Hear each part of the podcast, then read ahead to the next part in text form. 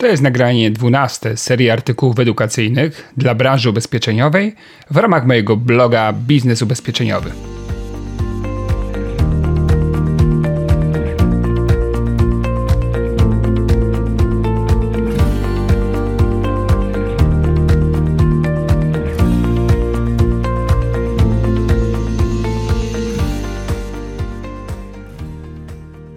Dowiedz się, co tak naprawdę wpływa na finalizację sprzedaży.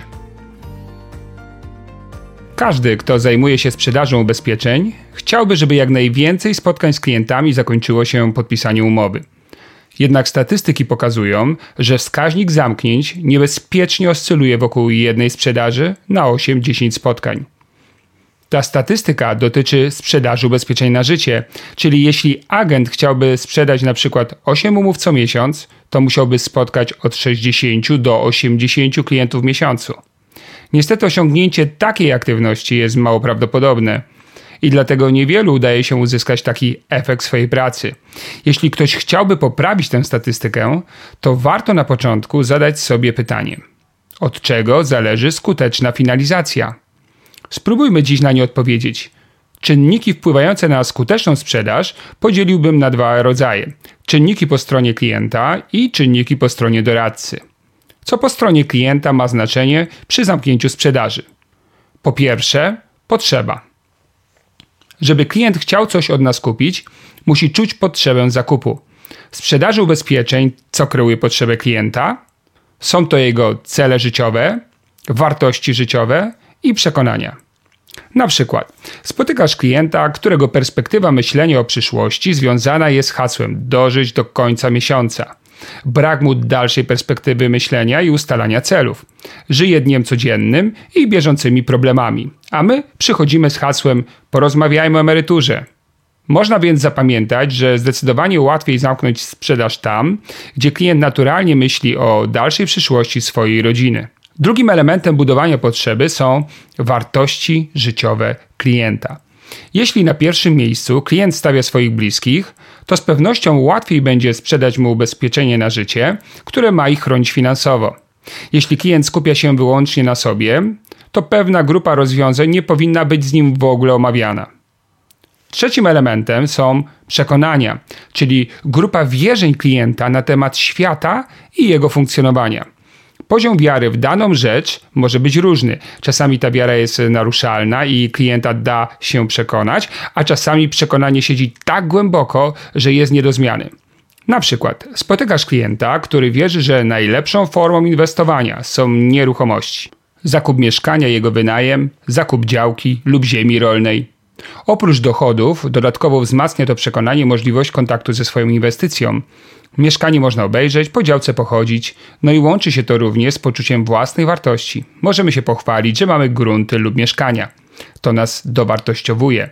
Jeśli takie przekonanie jest głębokie, to będzie bardzo trudno zachęcić klienta do inwestowania, ponieważ na zakorzenione przekonania argumenty logiczne działają słabo. Wyliczenia, wykresy, próba uaktywnienia obawy, że nieruchomości trudno się sprzedaje, zderzają się z wiarą. W takiej sytuacji lepiej odpuścić i poczekać na czasy, kiedy życie sprowokuje klienta do innego myślenia. Z powyższego wynika, że zanim zacznie sprzedawać, musisz skupić się na poznaniu trzech elementów, które budują potrzebę klienta. A kiedy je poznasz, warto abyś zadał sobie pytanie: czy to, co dowiedziałem się o kliencie, daje mi szansę na sprzedaż? Jeśli odpowiedź brzmi nie, to nie sprzedawaj. Po prostu porozmawiaj z klientem i utrzymaj pozytywną relację. Dzięki temu łatwiej ci będzie otrzymać polecenia i wrócić do klienta w przyszłości.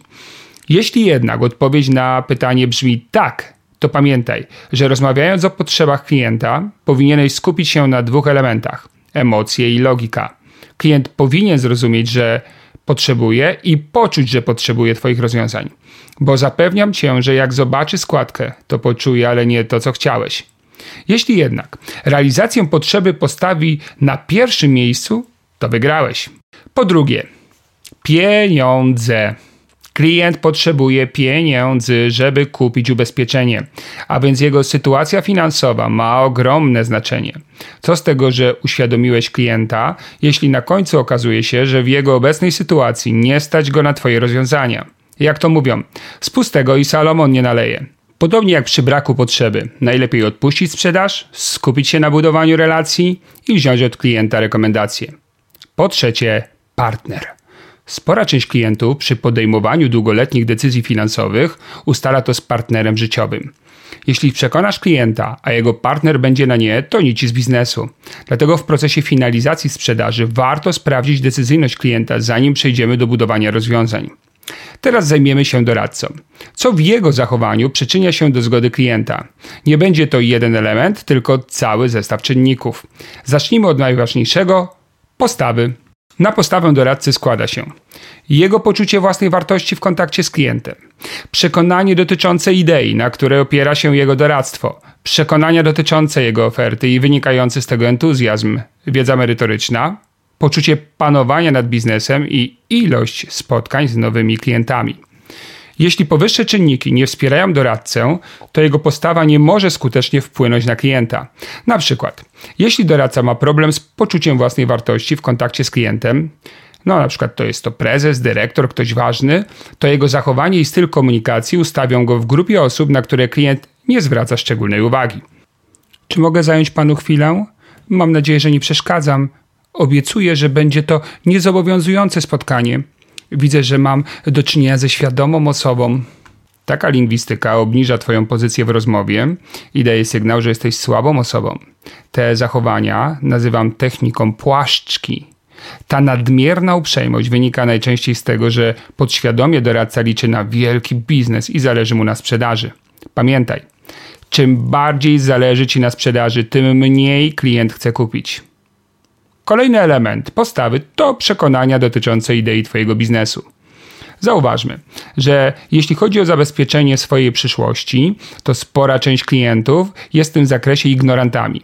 Zarabiają więcej niż wydają, nie myślą w kategoriach wieloletnich planów, liczą na łód szczęścia i że życie jakoś to wszystko samo za nich załatwi. Inaczej nikt nie wybrałby się do Egiptu na urlop, wiedząc, że ten kraj jest na krawędzi wojny domowej, a jednak ludzie wyjeżdżają.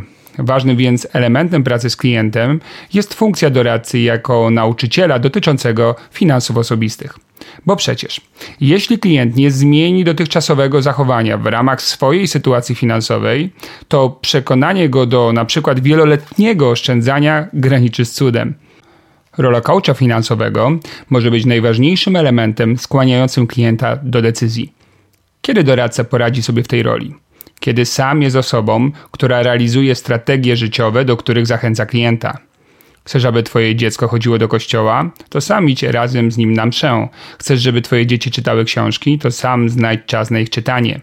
Chcesz, żeby twój zespół był aktywny sprzedażowo? To pokaż swoją postawą, jak to robić. Chcesz, żeby twój klient wydawał pieniądze na ochronę swoich bliskich, majątku i oszczędzał na przyszłą emeryturę? To sam kupuj ubezpieczenia, rozsądnie wydawaj swoje pieniądze i oszczędzaj na przyszłość. Przykład to podstawa skutecznego wpływu na drugą osobę. Doradca nie może być zbyt empatyczny, rozumieć klienta, że to jeszcze nie teraz i że odłóżmy decyzję na później. W tym momencie powinna pojawić się siła jego przekonań w rozmowie z klientem. Jak to nie teraz? A kiedy? Przecież nigdy nie będzie dobrego momentu, żeby wydać pieniądze na coś, co jest mi potrzebne, tylko że od razu z tego nie korzystam. Ja też miałem takie wątpliwości i obawy, jednak przełamałem się i teraz czuję się bezpieczny. Proszę spojrzeć, z jakich rozwiązań ja korzystam. Rozmowy z wieloma najlepszymi agentami potwierdzają, że bardzo często posługują się swoim przykładem w rozmowie z klientem. Po prostu dzięki temu jesteś wiarygodny. Kto przekona swoje grono znajomych, że dieta działa? Osoba, która o tym mówi, ale sama się nie zmieniła? Pamiętam, że kiedyś miałem spotkanie z doradcą, który zachęcał mnie do zainwestowania pieniędzy w jego rozwiązania za pomocą swojego przykładu. Zalogował się na portalu i pokazał, jak on od kilku lat oszczędza tam swoje pieniądze i co dzięki temu uzyskał. Do tej pory mam tam część swoich oszczędności. Kolejnym elementem postawy jest wiedza merytoryczna doradcy. Z pewnością umiejętność odpowiedzi na prawie każde pytanie klienta wpływa na postrzeganie Twojej osoby. W wielu przypadkach problemu z zamknięciem, a nawet rozpoczęciem sprzedaży, życie pokazuje, że doradca ma niską znajomość produktu, a więc też niski poziom entuzjazmu przy jego prezentowaniu. Warto pamiętać, że wiedzę merytoryczną trzeba odświeżać i pogłębiać w sposób ciągły. Ostatnim elementem całej układanki jest liczba spotkań z nowymi klientami. Jeśli doradca zaniedba poszukiwanie nowych klientów i ma zbyt mało spotkań, od razu wpływa to na jego styl pracy na spotkaniu handlowym. Mało spotkań powoduje efekt bardzo mi zależy, a ten często doprowadza do błędu w rozmowie z klientem, ponieważ presja na wynik zaburza uwagę doradcy. Pamiętaj, jeśli każdego dnia masz spotkania z nowymi klientami, jesteś bardziej na luzie sprzedaży i szybciej zwiążesz ze sobą klienta.